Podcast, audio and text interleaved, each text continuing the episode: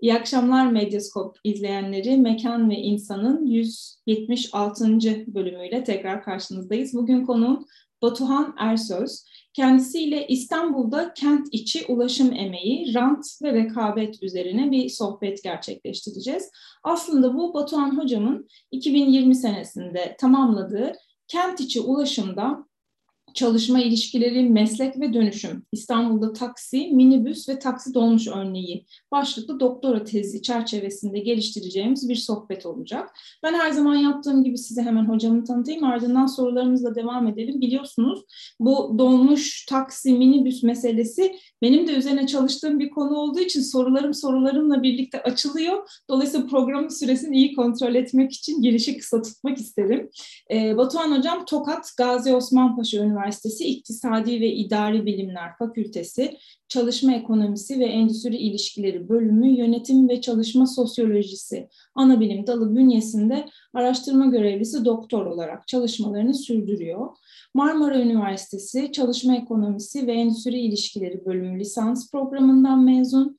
Yine aynı bölümün çalışma ekonomisi yüksek lisans programını ve ardından da yüksek lisans programını pardon özür dilerim ve ardından Marmara Üniversitesi Kalkınma İktisadı ve İktisadi Büyüme yüksek lisans programını tamamlamış.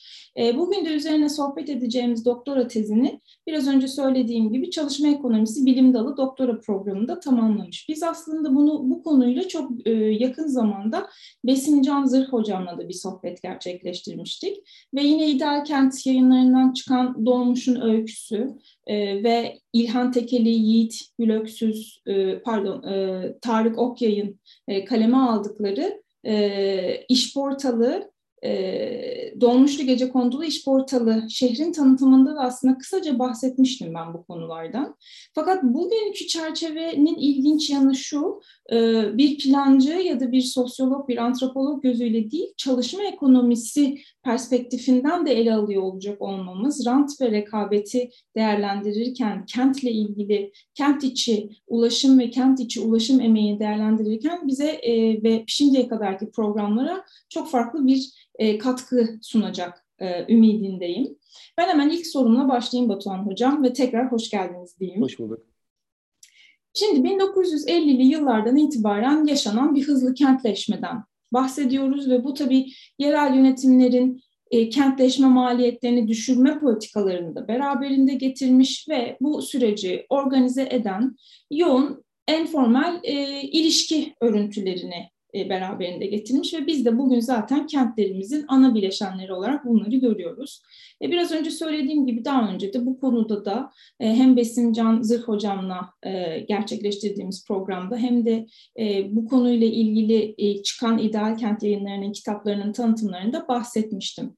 Tabii minibüs ve dolmuş kentte enformellik dereceleri yüksek olan aktörleri beraberinde getiriyor. Hem mekansal hem ekonomik hem toplumsal e, enformaliteden bahsetmek herhalde mümkün burada. Üstüne üstlük yaygınlaşmasında da mobil e, ulaşım araçları oldukları için etkililer diye düşünüyorum. E, ben size şöyle e, sormak istiyorum. İlk sorum birazcık aslında bir çerçeveye çizme e, kapsamında olacak. Kent içi ulaşımda çok önemli bir payları var. Taksicilerin, e, taksilerin, minibüslerin ve e, dolmuşların. E, bu ulaşım modlarının emekçileri e, nasıl örgütleniyorlar, e, nasıl bir ilişkileri var ve dolayısıyla biz buradaki enformal derken tamamen kayıt dışı bir ekonomiden mi bahsediyoruz? Tamamen kayıt dışı bir örgütlenmeden mi bahsediyoruz? Yoksa aslında bunlar kayıt dışı değil ama bizim anladığımız manada formal bir örgütlenme biçimi olmadığı için mi böyle söylüyoruz diye sorarak başlamak isterim. Buyurun lütfen. Ee, çok teşekkürler. Ee, sizin de bahsettiğiniz gibi aslında 1950'lerden ee, itibaren o hızlı kentleşmenin bir sonucu olarak görüyoruz. Ama burada aslında bu ulaşım modlarını tarif ederken e, belki de bir ayrıma da gitmek lazım. Yani e, benim doktora tezimin e, doktor tezinde de kullandığımız ayrımlardan bir tanesiydi aslında. Yani biz taksi, minibüs ve taksi dolmuşlar üzerinde çalışıyoruz ama aslında taksileri buradan biraz daha ayırmak lazım. Belki ilerleyen süreçte biraz daha bunu açacağız, daha fazla konuşacağız ama e, taksilerin pozisyonu biraz daha farklı ama özellikle taksi dolmuş ve minibüslerin pozisyonuna baktığımızda burada e, kamunun e, hizmet sunamadığı, hızlı kentleşmedeki o ihtiyaçları gideremediği noktada e, örgütlenen aktörler olduklarını görüyoruz. Ve aslında bir anlamda tıpkı gece konduda e, olduğu gibi e, o toplumsal ihtiyaçlarının çözümünde hızlı aktörler haline geliyor buradaki özellikle minibüs ve taksi dolmuşlar için konuştuğumuzda. Ve e, temel e, şey e, sorunuz çok önemliydi. Hani informal olma halini nasıl tanımlayacağız noktasında. E, informal aslında bu aktörlerin hepsi bu arada şu an çok net bir şekilde söyleyebiliriz ki bugün e, taksi, taksi dolmuş minibüs buradaki aktörlerin hepsi formal, tanınmış, e, düzenlenmiş bir alanda faaliyet gösteren ulaşım aktörleri. Ancak 1950'lerdeki ilk işleyiş böyle değildi. Biraz tarihsel bir noktada bakmak gerekiyor bunu o yüzden. E, aslında biz şunu görüyoruz. E, ilk başlarda e, enformal olarak faaliyet gösteren aktörler e, ilerleyen dönemlerde e, kamusal ihtiyaca verdikleri cevap doğrultusunda giderek kamu tarafından tanınan aktörlere dönüştürülüyorlar. Düzenli aktörlere dönüşüyorlar.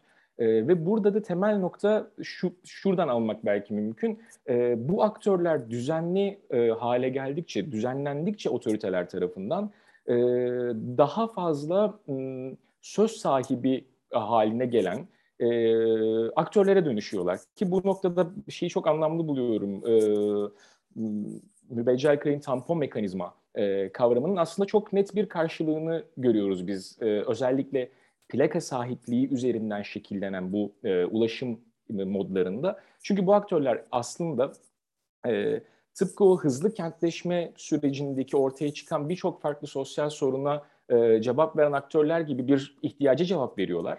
Ancak aynı zamanda da e, bu, bu ve geçişi yumuşatıyorlar ve bu geçişi yumuşattıkları ölçüde ve kamu tarafından tanındığı ölçüde de aslında bir ara form olma halinden giderek baskın toplumsal aktörler haline geliyorlar. Ee, bu noktada değer, biraz böyle bir bu geçişkenliği göz önünde bulundurarak bu aktörlerin değerlendirilmesi gerektiğini düşünüyorum.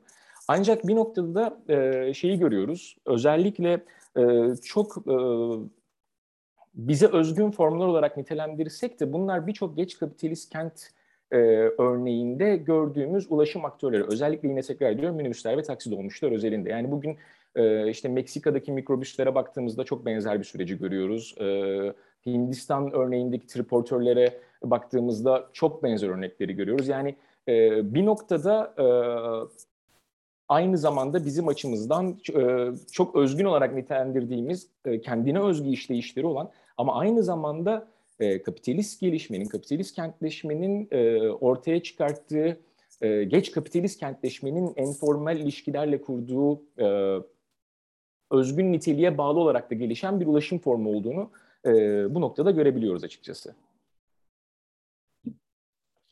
Peki, şimdi e, aslında siz biraz önce üstünü birazcık kapalı da açmayarak özellikle muhtemelen biraz sonra açarız diye düşündüğünüz için e, çok da bahsetmediniz ama ben şunu sormak istiyorum. Mu muhtemelen izleyicilerimiz de hatta ben de tezinizin ilk e, başlığını gördüğümde aklıma gelen ulaşım emeği dediğimde önce şoför geliyor tabii aklımıza. Oysa ki e, burada sadece şoförlerden bahsetmiyoruz. Buradaki özellikle sizin e, tezinizin birazcık daha e, ilerleyerek okumaya başladığımızda orada bir aslında neredeyse sınıfsal bir e, kast e, sistemi diyebileceğimiz bir sistemi dahi görebileceğimiz farklı bir e, oluşum da var. Yani hatta bakarsanız belki daha da işin informal kısmı işte en azından minibüs ve dolmuş e, örneği için söyleyebilirim bunu. Çığırtkanı var, kahyası var, muavini var ya da taksiler için durak emekçileri var. Yani çaycısından tutun da oradaki e, durakla ilgili işleri yapan kişiye kadar.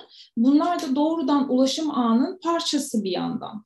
Ama bir de e, tamir, bakım, onarım işleri ya da işte bu araçların ses sistemleri, otomasyon sistemleri gibi araç ile ilgili hizmetleri sunanlar var gibi hatta benim aklıma şimdi soruyu oluştururken aklıma gelmeyen pek çok yan sektör ve aktör de vardır muhakkak. E, siz e, bu çalışmanızda bunları nasıl incelediniz ve hani bu ağları nerede bıraktınız? Yani e, hangi e, kısmına kadar bunlar benim ulaşım emekçisi olarak tanımımın içindedir, hangileri dışındadır dediniz. Belki bugünkü sohbetimizi takip edecek kişiler için de çerçeveyi bir nebze olsun daha anlamak açısından anlamlı olur. E, tabii yani aslında e, bizim çalışım, ya benim çalışmamda e, aslında ilk baktığımız nokta dediğiniz gibi ulaşım emeği diyoruz ama e, şoförlük ilk bizim karşımıza çıkan gerek hizmet sunum gerek talep noktasında bizim ilk karşılaştığımız aktörler. Ve oradaki dönüşümdü aslında bizim e, biraz daha bakmak istediğimiz, incelemek istediğimiz ancak dediğiniz gibi bu, bunu bir bütünsel bir e, ulaşım ekosistemi olarak değerlendirmek gerekiyor. Yani tek başına sadece e, şoför ve müşteri arasındaki bir ilişkiden ibaret değil. Burada e, çok ciddi bir şekilde işte düzenleyici olarak yerel aktörleri görüyoruz, yerel yönetimi görüyoruz, meslek odalarını görüyoruz. Meslek odalarının yanında e, bizzat ulaşımın sunumunda bahsettiğiniz gibi kahyalar, e, işte tamir e, olanakları, bakım hizmetleri gibi birçok farklı e, aktör bu sürecin içerisinde yer alıyor. Ve aynı zamanda e, bu arada şeyi yani çok hızlı bir şekilde şeyi toparlayayım isterseniz.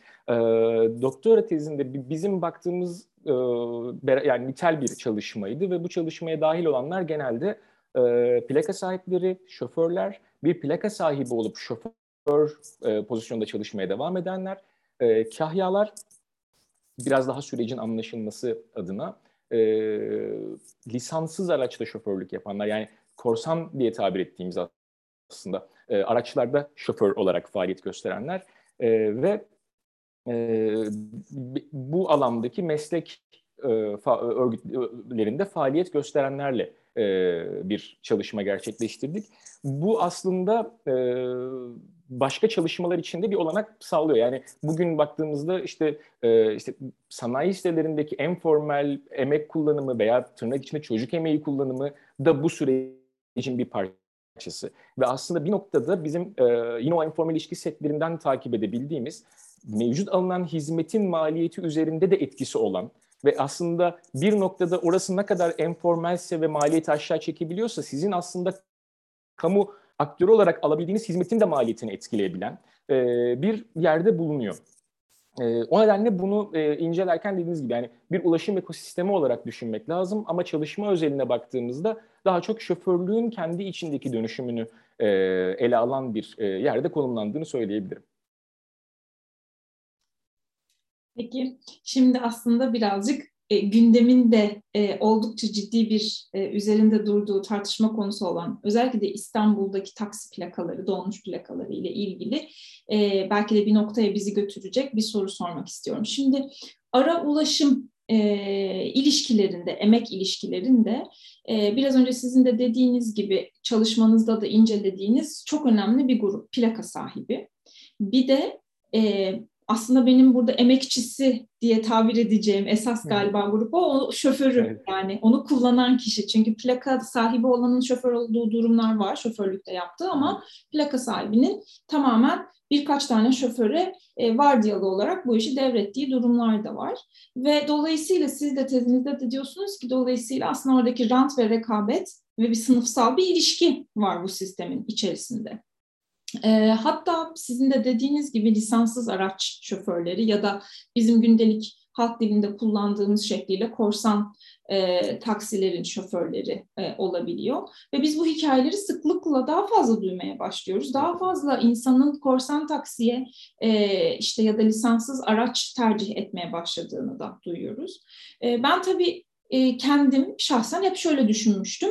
E, emekçi yani e, taksi şoförü, lisanslı taksi şoförü e, emeğinin hakkını alamadığını düşündüğü için e, bunu şeye e, plaka sahibine bir e, pay vermektense o şeyi rotayı tekrar nasıl olsa gidiyor ama ücretin tamamını kendisinin alması gibi bir durum söz konusu olabiliyor eğer yanlış bilmiyorsam tabii. Tabii bu beraberinde güvencesizliği çok ciddi şekilde getiriyor. Hem e, şey e, yolcu açısından hem e, şoför açısından e, muhtemelen hatta araç açısından da.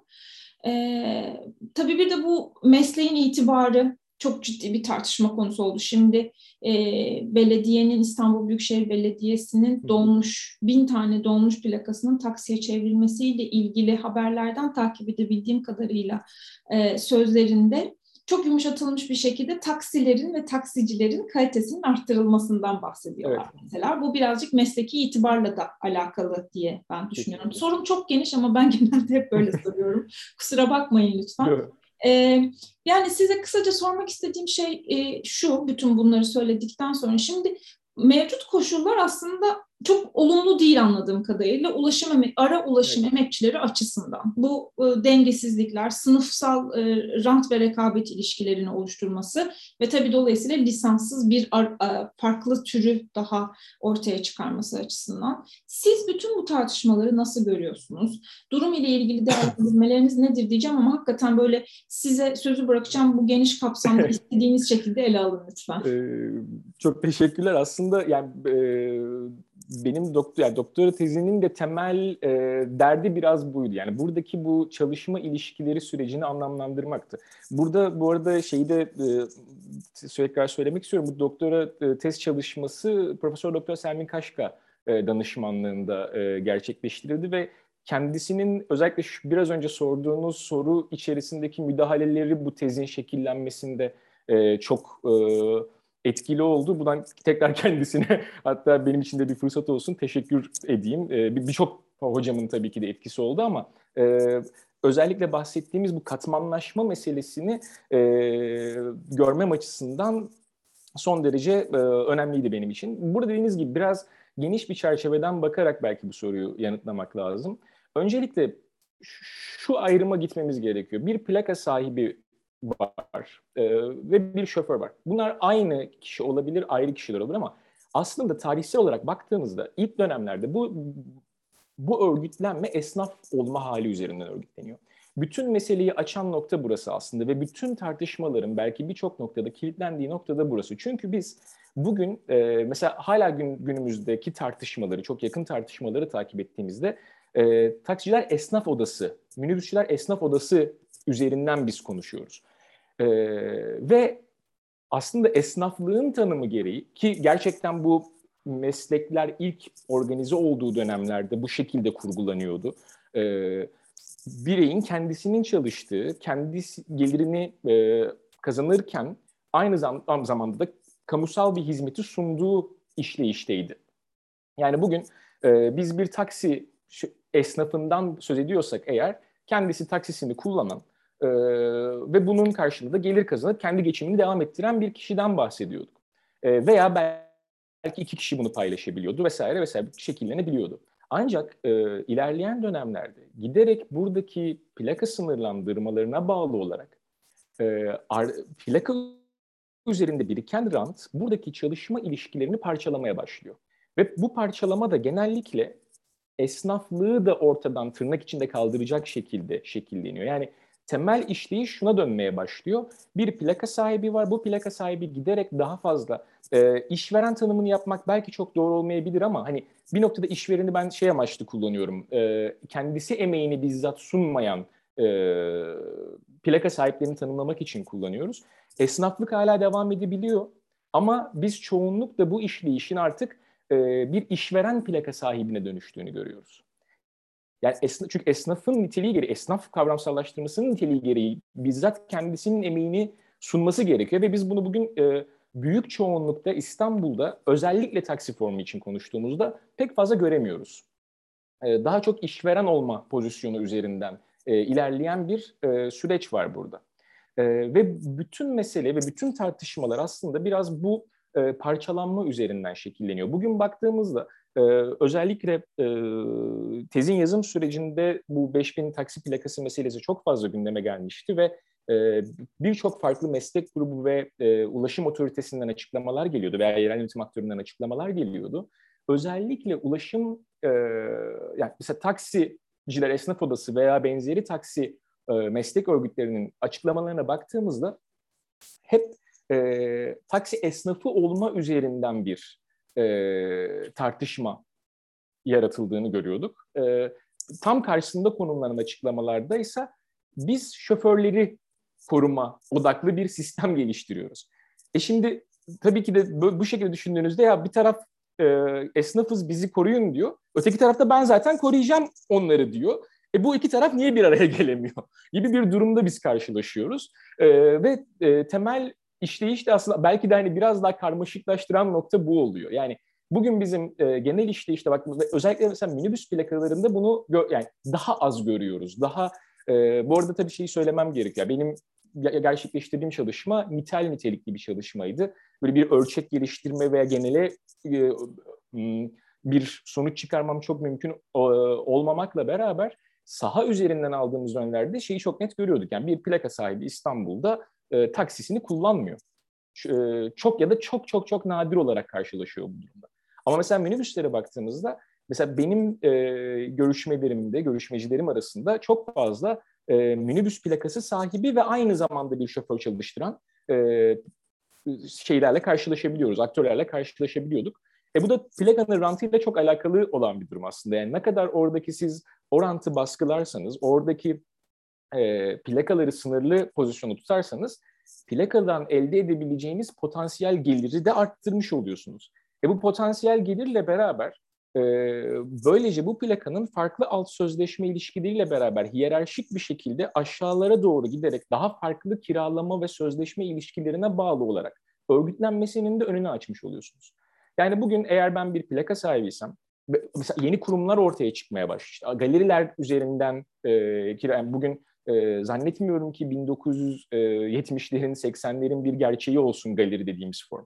E, bugün baktığımızda e, çok önemli aktörler olarak e, karşımıza çıkıyor. Bunda hani biz kendimiz değil bizzat mevcut e, Büyükşehir Belediye Başkanı'nın işte 3-5 galerinin eline bırakmayacağım e, söylemlerinden, 3-5 aktörün eline bırakmayacağım söylemlerinden e, bunu takip edebiliyoruz. Bugün baktığımızda bir İstanbul'da bir plaka sahibi e, plakasını belli bir miktardan doğrudan birilerine kiralayabiliyor, doğrudan şoföre kiralayabiliyor. E, doğrudan bir galeriye verebiliyor plakasını. O galeri üzerinden birileri o plakayı kiralayabiliyor ve şoför çalıştırabiliyor. Hatta bazı noktalarda şoförleri, yani plaka kiralayan şoförlerin şoförleri olabiliyor. E şimdi biz e, böyle bir işle işte yine yine altını çiziyorum taksi üzerinden konuştuğumuzda e, biz bir tane şoförden dört katmanlı bir e, maliyeti karşılamasını bekleyen bir hizmet sunumu istiyoruz gibi bir durum ortaya çıkıyor. E, ve bu noktada da e, genelde tartışmalar hep müşteri ve şoför özelinde ilerledikçe biz arkadaki o işleyiş, ya yani hep şunu çok sık görmeye başlıyoruz. İşte çok kötü şoför. Şoförler e, şey işte yolcu almıyorlar, taksi bulamıyoruz, işte yolcu seçiyorlar, kötü davranıyorlar vesaire vesaire. Ya İstanbul'da yani son haberlerden mevcut konum gereği ben artık çok fazla İstanbul'da bulunmasam bile haberlerden aldığım yani taksi binilenmeyen bir şey artık İstanbul'da benim anladığım kadarıyla. Çünkü yani hani böyle mit gibi bir şey oldu insanların gözünde artık taksi. Yani var ama kimsenin kullanamadığı bir araç gibi tanımlanıyor. Ee, o yüzden de böyle e, baktığınızda ama mesela şeyi çevirip e, madalyonun diğer tarafına baktığınızda e, şoför kendi karını maksimize etmek zorunda. Çünkü birkaç farklı aktöre ilişkin e, bir gelir kazanma mecburiyeti altında çalışıyor. Yani bu noktada e, tamamen şoför odaklı da e, bakmayan, biraz daha sistemik işleyişi ön plana çıkaran bir analize bizim ihtiyacımız oluyor. E, yani sadece e, belli bir meslek grubunu kriminalize ederek e, anlaşılabilecek veya çözülebilecek bir e, alandan bahsetmiyoruz. Bu katmanlaşmanın ön plana alınması gerekiyor ki e, siz de bahsettiniz biraz daha açarız belki onu. Yeni plaka tartışmaları burada çok e, merkezi bir yerde duruyor özellikle e, mesleği tekrar esneyen, çünkü e, yasal düzlemde baktığımızda esnaflık üzerinden şekillenen ve bu esnaf olma hali üzerinden e, kendini var eden bir e, ulaşım modunun aslında pek de öyle olmayan bir işleyişle bu faaliyetlerini gerçekleştirdiğini görebiliyoruz. Ve bu tabakalaşma bizim temel sorunumuzu oluşturuyor. E, keza aynı durum, aynı problem minibüsler için de geçerli olabiliyor. Ee, ancak burada tabii yine minibüs ve taksi dolmuşu biraz ayırmak istiyorum. Yani daha doğrusu karışık olmasın dolmuş diye hani kullanayım. Dolmuşları ve minibüsleri burada biraz daha ayrı tutmak istiyorum. Çünkü e, özellikle taksilerin hizmet sunumuna kıyasla çok belirli alanlarda faaliyet gösteren araçlar oldukları için bunlar kent içindeki mevcut değişimlerden çok hızlı etkileniyorlar. E, ve buradaki rant potansiyeli e, taksiler kadar fazla e, olmuyor. Ve bu mesela o, o derece büyük bir katmanlaşmayı e, taksiler ölçeğindeki kadar yüksek düzeyde görmüyoruz ki zaten bu bin taksi plakası meselesi yani 250 e, minibüs ve 750 e, şey özür dilerim 250 dolmuş ve 750 minibüsün taksiye çevrilmesi sürecindeki tartışmalar da biraz bundan kaynaklanıyor. Giderek daha atıl formlar haline e, gelmeye başlıyor. E, potansiyel gelirin azalması demek de doğrudan zaten plaka değerlerinin düşmesi anlamına geliyor. E, atıyorum eğer sizin plakanızda aylık e, 30 bin liralık, 50 bin liralık bir gelir ölçeği yoksa bunu zaten parçalayıp katmanlara ayırıp kiralayamazsınız. E, kendiniz de orada emeğinizi sürdürmek zorunda e, kalırsınız. Biraz e, buradaki tartışmaları bu şekilde okumak gerekiyor. Aynı zamanda ikinci bir noktada enformalite kısmında ortaya çıkıyor. Başta bahsettiğiniz gibi aslında bu formlar e, formal formlar. Ama e, yönetim e, ve işleyiş formal olmakla beraber ilişki ağlarına baktığımızda yine enformal ilişkiler hala çok merkezi bir konumda bulunuyor burada. Ve e, bazı noktalarda da aslında bu enformal ilişkilerin e, dönüşümü ve bu enformal ilişkilerin kullanımı mevcut formal işleyişin de önüne geçebiliyor. E, bir diğer noktaya daha bakmak lazım. O da aslında biraz bu hizmetin özgünlüğüyle alakalı. Yani bugün bu hizmet mesela e, işte esnaflık üzerinden kurgulanıyor diyoruz. Esnaflıktan söz ediyoruz ama aynı zamanda kent içi alanda sürekli mobil, hareketli bir iş yerinden tırnak içinde bahsediyoruz biz.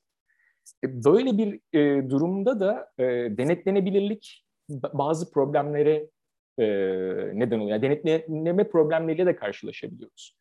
E, ve bütün bu e, işleyişi de bir araya da getirdiğimizde özellikle e, şoför emekçi olan şoförler açısından, e, istihdam edilen tırnak içinde şoförler açısından e, güvencesizliğin çok normal olduğunu biliyoruz ki zaten e, bu alandaki e, yasal düzenlemelere de baktığımızda yani sosyal sigorta sahibi olma açısından yani sigortalı olma sigortalı çalışma konusunda dahi e, birçoğunun sigortalarında özellikle e, uzun mesleki geçmişi olan e, şoförlerde boşluklar söz konusu. Çünkü hani tanım tırnak içinde tanınmamış, düzenlenmemiş bir alanda faaliyet gösterdikleri gerekçesiyle e, ya yatırılmıyordu ya denetlenmiyordu e, gibi nedenlerle birçoğunun sosyal güvenlik e, haklarında boşluklar e, mevcut aslında. Ve bu bizi aslında bir diğer noktaya itiyor. Bu da bugün konuştuğumuz işte korsan meselesi, korsanın çok yaygınlaşması, çok görünür olması meselesi. E, korsan aslında e, bütün bu e, katmanlı ilişkiyi parçalayan, yani aslında bir anlamda baktığınızda mesleği tekrar esnaflık düzeyine geri çeken, tırnak içinde söylüyorum bunu, hani legal bir düzlemde olmasa dahi, e, emeğini e, sunan bir şoför var ve taşımacılık işlemini gerçekleştiriyor. E, ve bundan bir gelir kazanıyor, bir gelir elde ediyor. Ancak burada korsan e, faaliyetler daha çok e, bir, e, iki tane yöntemden hep söz ediliyordu sahada. Bunlardan bir tanesi bizim çok genel olarak bildiğimiz e, sivil araçla e, taşımacılık yapılması meselesi. E, taksi plakalarında e, şeyle çok karşılaşmadım açıkçası. Sizin e, bahsettiğiniz tarzda bir e, taşıma sürecinden çok karşılaşmadım. Çünkü taksiler genelde şu şekilde işliyor. Siz zaten plaka sahibine günlük olarak belli bir e, meblağ ödemek zorundasınız.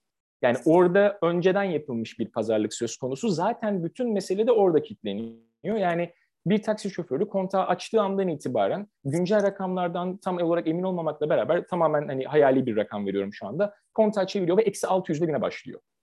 Ee, ve 12 saat içerisinde o eksi 600'ü toparlayıp onun üstüne bir e, gelir elde etmesi lazım ki e, işte o günkü çalışması anlamlı olsun. Yani sabit bir ücret e, baştan çıkarması gerekiyor.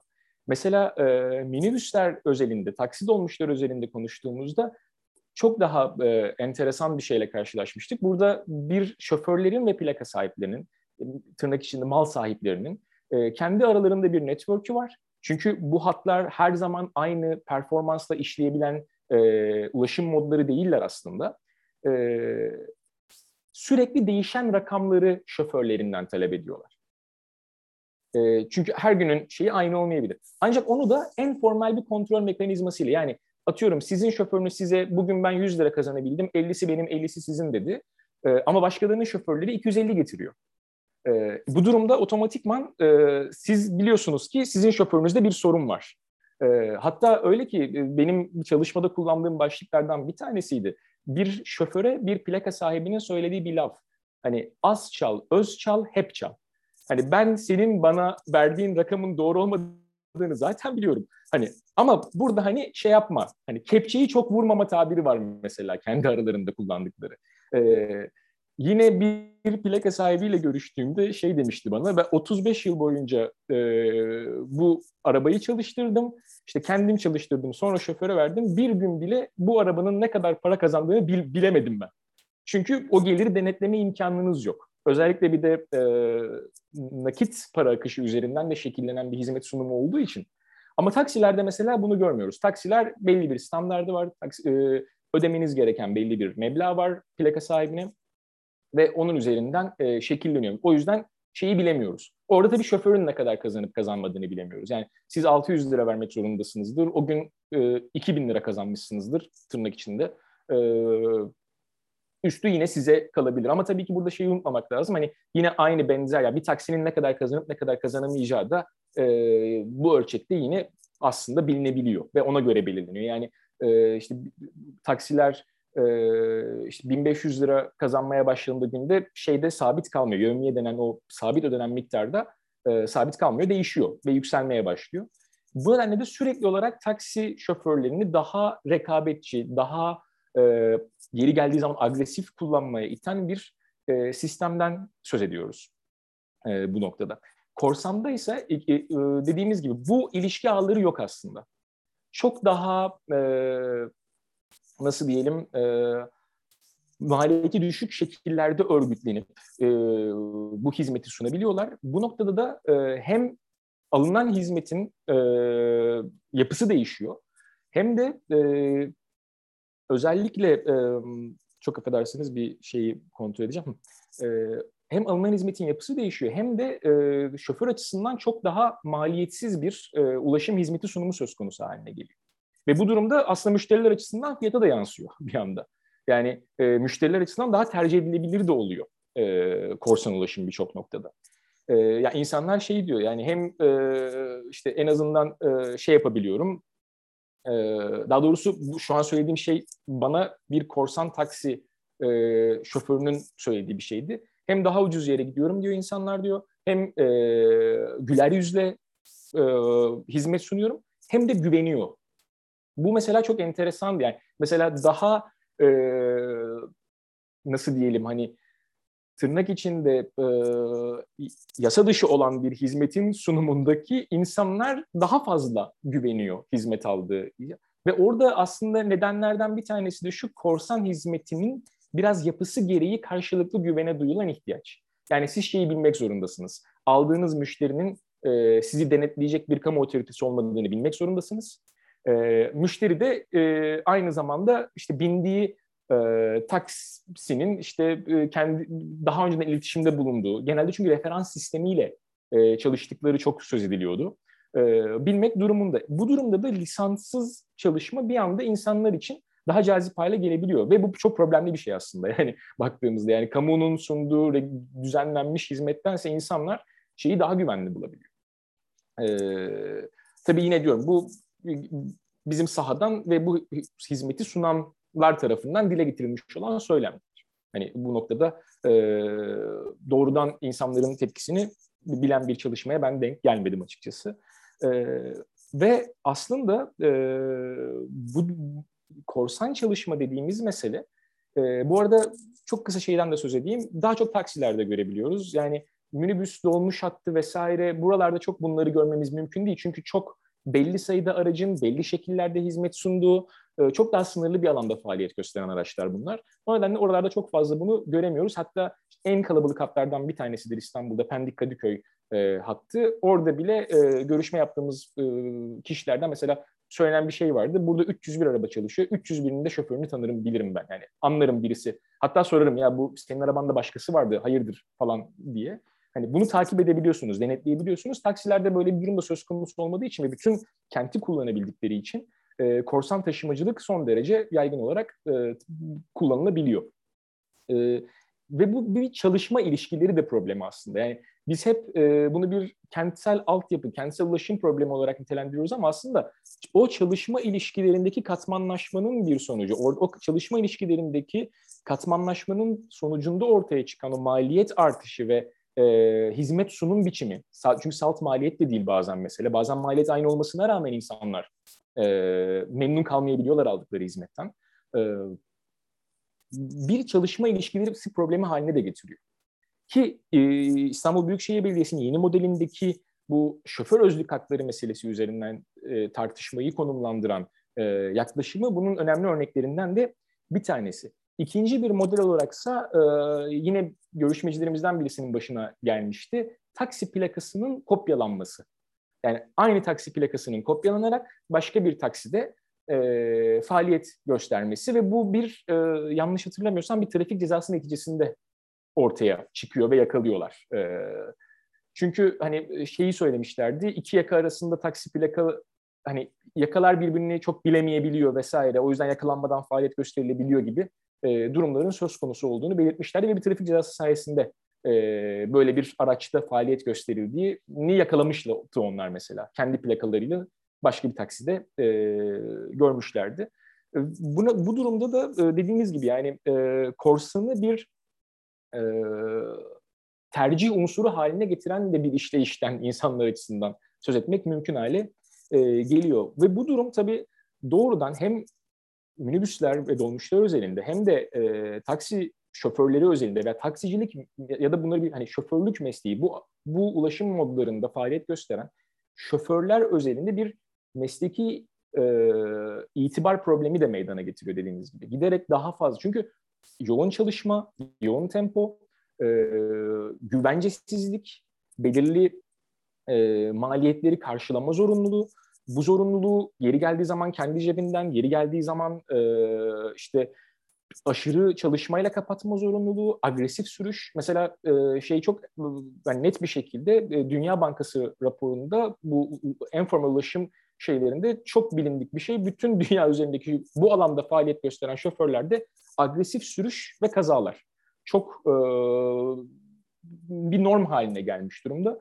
E, keza İstanbul'da e, hani hepimizin hani biraz daha böyle e, şeyin dışında konuştuğumuzda çok net bir şekilde işte minibüs yolunda araba kullananların şikayetçi olduğu bir şeydir. Minibüslerin sürüş biçimleri, sürüş tarzları, e, yeri geldiği zaman taksilerle yaşanan problemler. Bunların hepsi aslında çok kısa zamanda e, önemli düzeyde gelir edin, elde etme mecburiyetiyle ortaya çıkan sorunlar.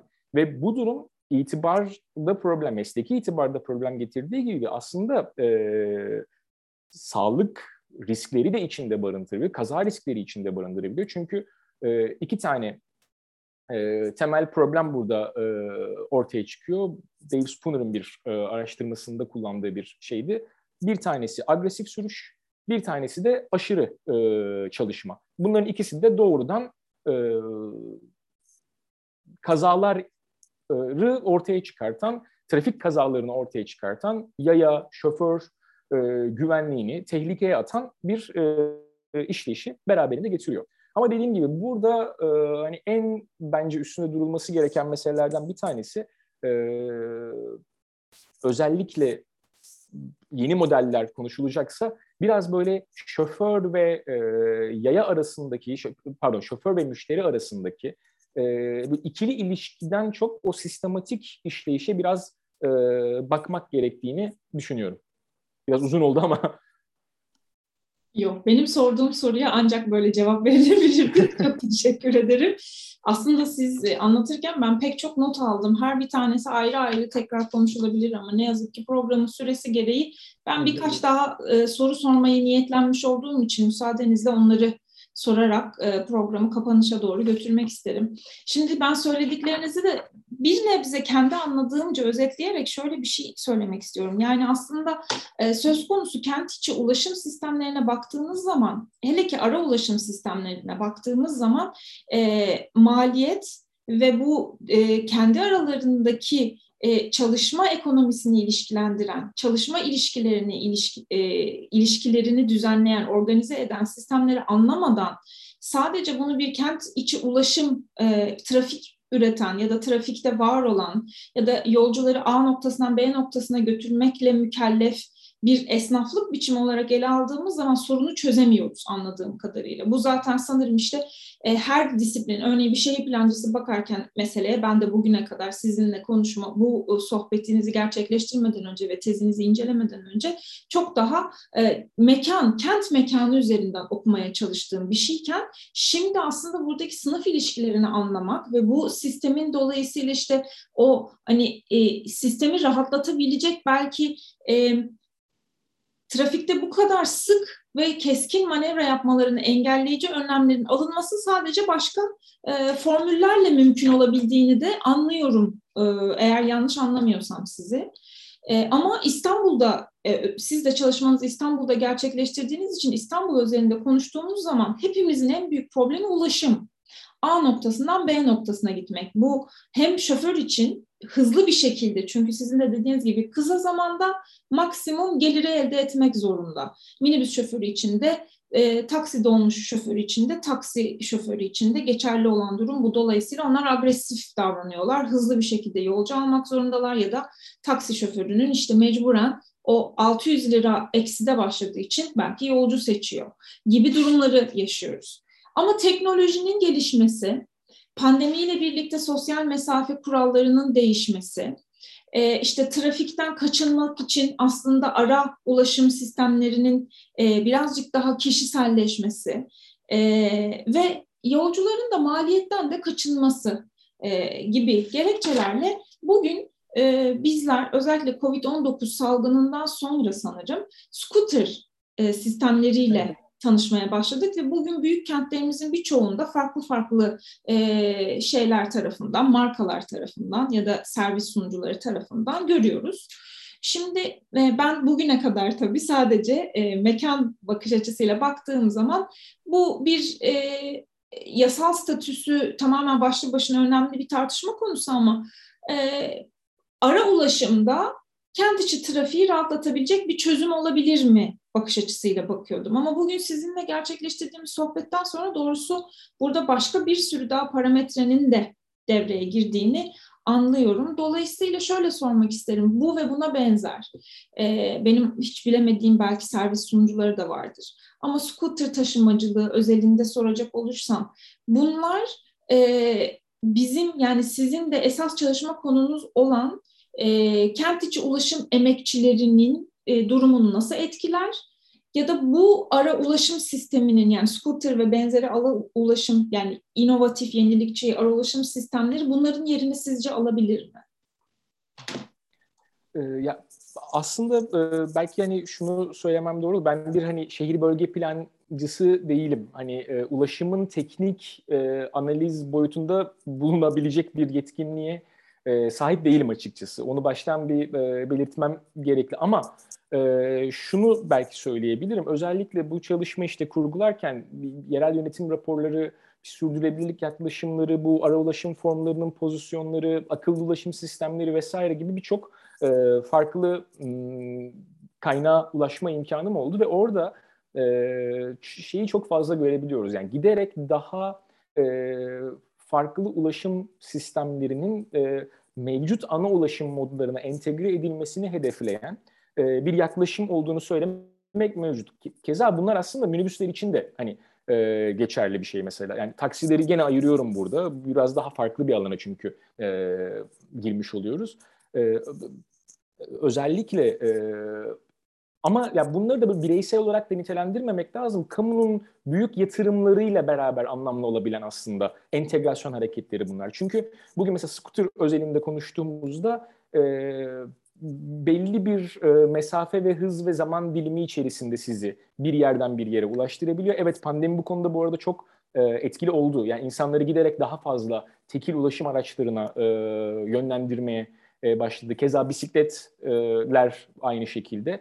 E, ama scooterlardan da önce mesela bisikletler özelinde yapılmış birçok fazla e, şey görebiliyoruz. Hani e, çalışma e, kentte daha fazla kullanımına dönük e, yerel yönetimlerin mesela bisiklet yolları ile ilgili yaptığı çalışmalar, onları işte, işte metro e, duraklarına entegre etmeye dönük çalışmalar e, bunları görebiliyoruz. E, ve bence burada sizin dediğiniz gibi çok önemli olan bir nokta aslında özellikle scooter vesaire benzeri e, araçların kullanımı biraz bu insanların günlük rutininin dışında e, bir faaliyette bulunmak için kullandıkları araç derken giderek gündelik rutinin daha fazla parçası haline gelen, gündelik rutinde yer almaya başlayan araçlar haline gelmeye başladılar. Bu açıdan da yani önemli buluyorum ama e, dediğim gibi yani bir teknik kısmı ile ilgili e, çok fazla hani bir e, cevabım olamayacak. E, ikinci olarak da büyük yatırımlarla e, ancak bunların hani anlamlı olabileceği, bu, bu entegrasyonun sa- sağlanabildiği ölçüde hani bunun daha yaygınlaşabileceğini hani bir öngörü olarak belki söyleyebilirim ama daha fazlasını söyleyemem. Peki. Ee, ben bir de aslında bugün programı kapatmadan önce bunu sizinle muhakkak konuşmak istiyordum. Ee, zaten e, bir önceki sorumda da çok hafif başlamıştık bunu tartışmaya. İstanbul'da yeni taksi plakası tartışmaları yani bu güncel konuyu sizinle burada bugün e, bu kapsamda konuşmazsam olmaz diye düşünüyorum. E, neler olduğunu az çok e, muhakkak medyayı, e, ulusal medyayı takip eden herkes az çok takip edebiliyordur. Çünkü daha bu hafta e, bin tane dolmuş e, minibüs plakasının taksi plakası olarak dönüştürülmesi için başvurular başladı ve galiba yanılmıyorsam da orada da bir e, kura çekilecek. Yani her başvuran değil bin taneyle sınırlı gibi bir durum var. Evet ve 200, iki günden galiba 600 civarı başvuru alındığını, 600 ya da 400 yani iki gün içerisinde çok yoğun bir başvuru olduğunda da bahsetmişlerdi. Evet zaten sizin anlattıklarınızı dinleyince başvuru olmasa şaşırırdık. Çünkü buradaki aslında e, özellikle minibüsten taksiye geçmek en azından hani daha düşük bir e, rant sisteminden daha yüksek bir rant sistemine geçmek. Elbette ki her ikisinin de terazide kendine göre çok ciddi avantajları ve dezavantajları var sistematik olarak ama e, çok anlamlı. Bir de, de dediğiniz şeyi de tekrar hatırlatmak isterim tabii. E, minibüs kent içi değişimlerden, kent içinde gelişen, dönüşen sistemlerden daha çok etkileniyor. Yani bir scooter gibi bir sistemin gelmesi bile önce taksiyi değil galiba e, minibüsü daha çok etkiliyor. Ya da işte e, yeni düzenlenen metro hatları, metrobüs hatları hep minibüs sistemine paralel ve onun e, yolcusunun e, alternatifi olarak ortaya çıkıyor. Taksi dediğiniz gibi o noktada hakikaten ayrıştırılması gereken bir şey ki minibüs şoförleri de aynen bu şekilde serzenişte bulunuyorlar. Ama tabii 21. yüzyılda da bir yandan bir şehirde yani 18 milyonun yaşadığı bir şehirde e, raylı sisteme geçmemek zaten e, düşünülemez vesaire vesaire. İşin o kısmını bırakıyorum. Ama teknolojik gelişmeleri değişen rekabet koşullarını göz önünde bulundurduğunuz zaman bu kent içi ulaşımdaki ara ulaşım sistemlerini neler bekliyor diye düşünüyorsunuz? Yani minibüsçüler taksici olacak ya da o minibüs e, plakaları taksi plakasına dönüşecek bizi neler bekliyor? Nasıl bir yere doğru gideriz gibi öngörüleriniz olur. E, ya önce belki bu ayrımdan biraz bahsetmek gerekiyor. Bu yeni taksi sisteminde e, belediye e, bin plaka haricinde yani öncelikle bir 6000 plaka e, öngörülüyor. Bunların 5000 tanesinin yönetiminin doğrudan belediyede, İBB'de olması, İstanbul Büyükşehir Belediyesi'nde olması öngörülüyor. E, bin tane e, taksi plakasının ise atıl hatlardaki minibüslerden e, döndürülmesi e, planlanıyor. Buradaki durum aslında e, tam sizin de bahsettiğiniz gibi e, minibüslerin işleyişinin, yani minibüs ve dolmuş formlarının işleyişiyle alakalı bir problem. Özellikle e, sahada mesela e, çok söylenen bir şeydi, dernek yöneticilerinin de bahsettiği bir süreçti. Yeni metro hatları doğrudan e, minibüs benzeri ulaşıma darbe vuruyor aslında ve buradaki geliri çok çok önemli düzeyde etkiliyor. Keza e, geçtiğimiz senelerde birkaç defa minibüsçülerin bununla ilgili e, önemli eylemleri oldu. E, doğrudan niye bu e, işte bize taksi plakasına dönüşme hakkı verilmiyor veya altı hatlar çünkü daha önce şey çok fazla yapılıyordu. Altı hatları başka alanlara kaydırarak bunları hani e, sürdürülebilir kılma vesaire falan ama özellikle mesela Marmaray e, gibi işte metrobüs e, hatlarının bulunduğu alanlar gibi e, işte büyük metro hatları gibi yerlerde faaliyet gösteren ara, ara ulaşım sistemleri için ve aynı hat üstünde e, faaliyet gösteren ara ulaşım sistemleri için çok büyük problemler ortaya çıkmaya başladı. E, bu yeni plaka tartışmaları bize birkaç şeyi gösteriyor. Yani sadece e, şoför e, e, şoför ve plaka sahibi arasındaki bir gerilim alanı değil aynı zamanda sermaye içi gerilimi de bize göstermesi açısından çok önemli. Çünkü e, şey de çok hızlı bir şekilde kabul edilmedi. Yani bin taksinin dönüşüm, e, bin plakanın taksiye dönüşümü de 7. toplantıda galiba yanlış hatırlamıyorsam e, kabul edildi. Yani çok uzunca bir süre e, tartışıldı. Hatta o dönemki e, tartışmalar da yine bir red sürecinin ardından e, Minibüsçüler Esnaf Odası Başkanı'ydı yanlış hatırlamıyorsam şey demişti. Hani bize bu dönecek denmişti. Niye yerel yönetim ve diğer aktörler bize hani karşı çıkıyor? Biz zor durumdayız. Hani biz işimizi yapamıyoruz. Hani taksiciler niye buna karşı çıkıyor? E, gibi bir e, söylem de ortaya çıkmıştı. Hatta birkaç toplantı öncesinde de yanlış hatırlamıyorsam bir e, yine haberlere konu olmuştu. Bir minibüs e, esnafı minibüsünü yakma eyleminde e, bulunmuştu. Çünkü e, işlerliğini yitiren bir e, ulaşım modundan bahsediyoruz. Yerel yönetimin burada bir yaklaşımı da yine bunları mevcut ana hatlara entegre eden ara alanlar olarak kullanma gibi bir çabası vardı. Ne düzeyde faydalı olup olmadığı konusunda henüz bir şeyimiz yok açıkçası. Hani bilgimiz yok ama mevcut tartışmalardan taksiye geçişin çok hararetli olduğu süreçte biraz daha bunun üzerinden konuşacağız gibi duruyor açıkçası. İkinci bir nokta da bu 5000 plaka meselesinde ortaya çıkıyor. Burada doğrudan bir rant problemi olduğunu yine aynı şekilde hani gözden kaçırmamak gerekiyor. Rant derken yani şu anlamda bir potansiyel gelirden söz ediyoruz biz. Ve bu alandaki potansiyel gelir çok kolay mesela birçok farklı altyapı yatırımına kıyasla bugün taksi özelinde konuştuğumuzda bu ulaşım formları çok hızlı bir şekilde artıp azalabilir aslında kendi içerisinde. Yani çok büyük yatırım gerektirmeyen bir dönüşüm. Yani siz bugün e, çok hani şey bir e, genel geçer bir şeyle söylüyorum ama hani işte bir kağıt üstüne bin tane plaka tanımladığınız altına da imzanızı attığınız anda İstanbul'da bin tane in taksiniz oluyor. Çok kolay bir şekilde e, artabiliyor veya azalabiliyor. Burada şöyle bir iki tane örnekten bahsetmek istiyorum. Bir tanesi New York örneğiydi, bir tanesi de Dublin örneğiydi. Ee, ikisi de taksi plakalarının fiyatlarıyla daki değişimlerle alakalı olarak e, ortaya çıkan tartışmalardı. E, New York örneğinde e, teknolojiyi görüyorduk aslında. Yani Uber'in kullanımının yasal olarak tanınması ve yaygınlaşmasıyla beraber New York'taki lisans fiyatlarında inanılmaz düşüşler meydana geldi. Hatta oradaki e, düşüşlerde ciddi şoför intiharları falan gündeme geldi. Borçlanma üzerinden farklı borçlanma mekanizmalarına dahil olmaları neticesinde. E, ve yani Uber'in kullanımı oradaki o lisanslama sürecini e, ciddi düzeyde olumsuz etkiledi. İkinci bir noktada Dublin örneğiydi. Dublin'de e, plak arttırımı ile ilgili bir e, işte tartışmada e, yerel otoritenin, yerel yönetimlerin böyle bir yetkisinin olup olmadığı vesaire. Ha bu arada çok özür dilerim. Şeyden bahsetmem gerekiyor tabii burada. Bizim İstanbul'daki modelimizde de e, plakalar bireylerin mülkiyetinde konumlanmış olan, miras yola devredilebilen, e, finansal araçlar aynı zamanda. Yani sadece e, kamu otoritesinin elinde bulundurduğu ve bir e, kullanım hakkına bireylerin sahip olduğu bir lisanslama sürecinden bahsetmiyoruz. Doğrudan bireylerin mülkiyetindeki e, bir haktan bahsediyoruz. Ki bu bile başlı başına zaten bir tartışma konusu birçok e, ulaşım alanındaki literatürde. Çünkü bazı yerlerde mesela e, plakanın sahibi olabiliyorsunuz ama mesela vefatınız durumunda miras olarak devredilemiyor. Sahibi olsanız dahi veya bazı yerlerde lisanslamalar süreli yapılıyor e, belli koşulları sağlayamazsanız lisansınızı tekrar alamıyorsunuz gibi e, işte bazı yerler şirket yapıyor vesaire falan ama İstanbul özelinde konuştuğumuzda bireylerin e, mülkiyetindeki bir e, lisans sürecinden bahsediyoruz. İrlanda örneğinde de benzer bir durum vardı ve oradaki plaka sahipleri bizim yatırımlarımız e, lisans sahipleri diyeyim plaka demeyeyim. E, bizim yatırımlarımız hani tehlikeye giriyor yerel yönetim yeni plakalar tanımlamamalı vesaire gibi uzun bir mahkeme süreci de anladığım kadarıyla orada geçiyor.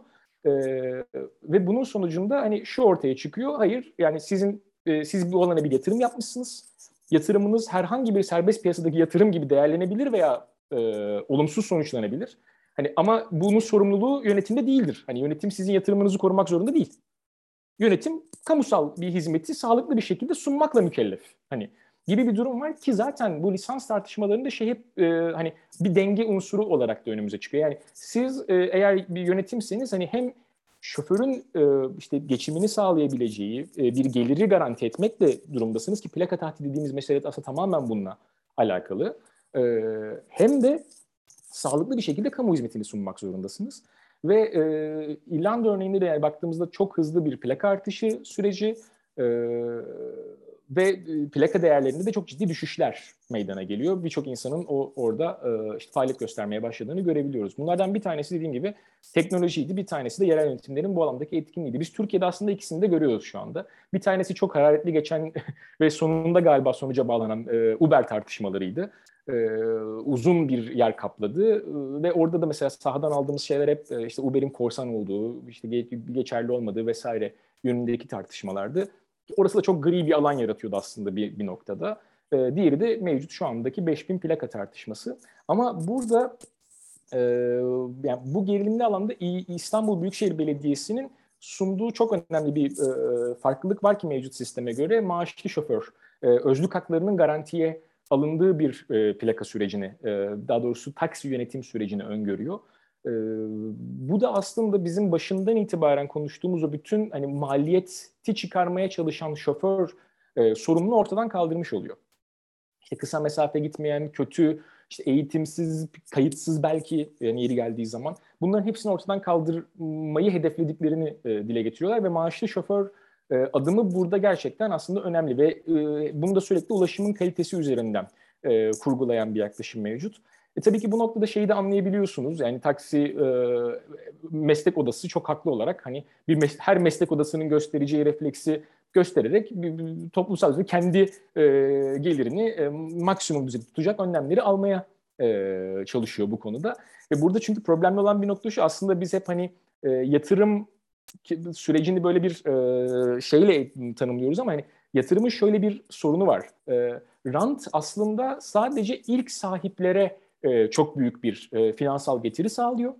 Sonrakiler için aslında potansiyel geliri satın almış oluyorsunuz siz. Yani bugün baktığımızda e, ben eğer piy- piyasadan işte e, plaka satın aldıysam ve o plakaya 2 milyon TL verdiysem aslında o plakanın ilk sahibi o büyük 2 milyonluk geliri elde ederken ben sadece aylık düzenli e, gelir kazanacağım bir yatırım tırnak içinde yapmış oluyorum aslında. Ve tabii bu durumda da hani e, bunun e, böyle bir büyük tartışma yaratması e, çok beklenebilir bir durumdu. Keza da yarattı. Dokuzuncu kez reddedildi dün gördüğümüz kadarıyla e, şey. Bir süre daha da e, devam edecek gibi duruyor açıkçası. Sevgili hocam biz süremizi oldukça aştık. Dolayısıyla ben e, müsaadenizle programı kapatmak isterim. Ama hakikaten bugün e, benimle ve seyircilerimizle paylaştığınız tüm bu, bu detaylar her bir tanesi ayrı ayrı tekrar tekrar detaylandırılarak konuşulacak konular. Dolayısıyla sürenin e, yetersizliği ne yazık ki şanssızlığımız oldu. Fakat çok teşekkür ediyorum bu değerli çalışmanızı bizlerle paylaştığınız için. Ben teşekkür ederim. Özellikle de gündem bu kadar bu konuyla e, iştigal olmuş iken belki de bugün e, izleyenlerimiz için de benim için kesinlikle öyle oldu. Yeni bir bakış açısı kazandırmıştır e, tüm bu tartışmaları okurken, değerlendirirken, yorumlarken e, eminim bir de emekçinin e, gözünden e, ve emekçinin e, e, örgütlenme biçimleri ve çalışma ilişkilerini anlamak e, muhakkak e, olaya ve soruna ve tartışmalara bakış açımızı değiştirecektir diye düşünüyorum. E, size e, ve doktora sürecinde size destek olan ve çalışmanızı yönlendiren doktora hocanıza dolayısıyla ben de teşekkür etmek isterim bu vesileyle. Çok teşekkürler, çok sağ olun.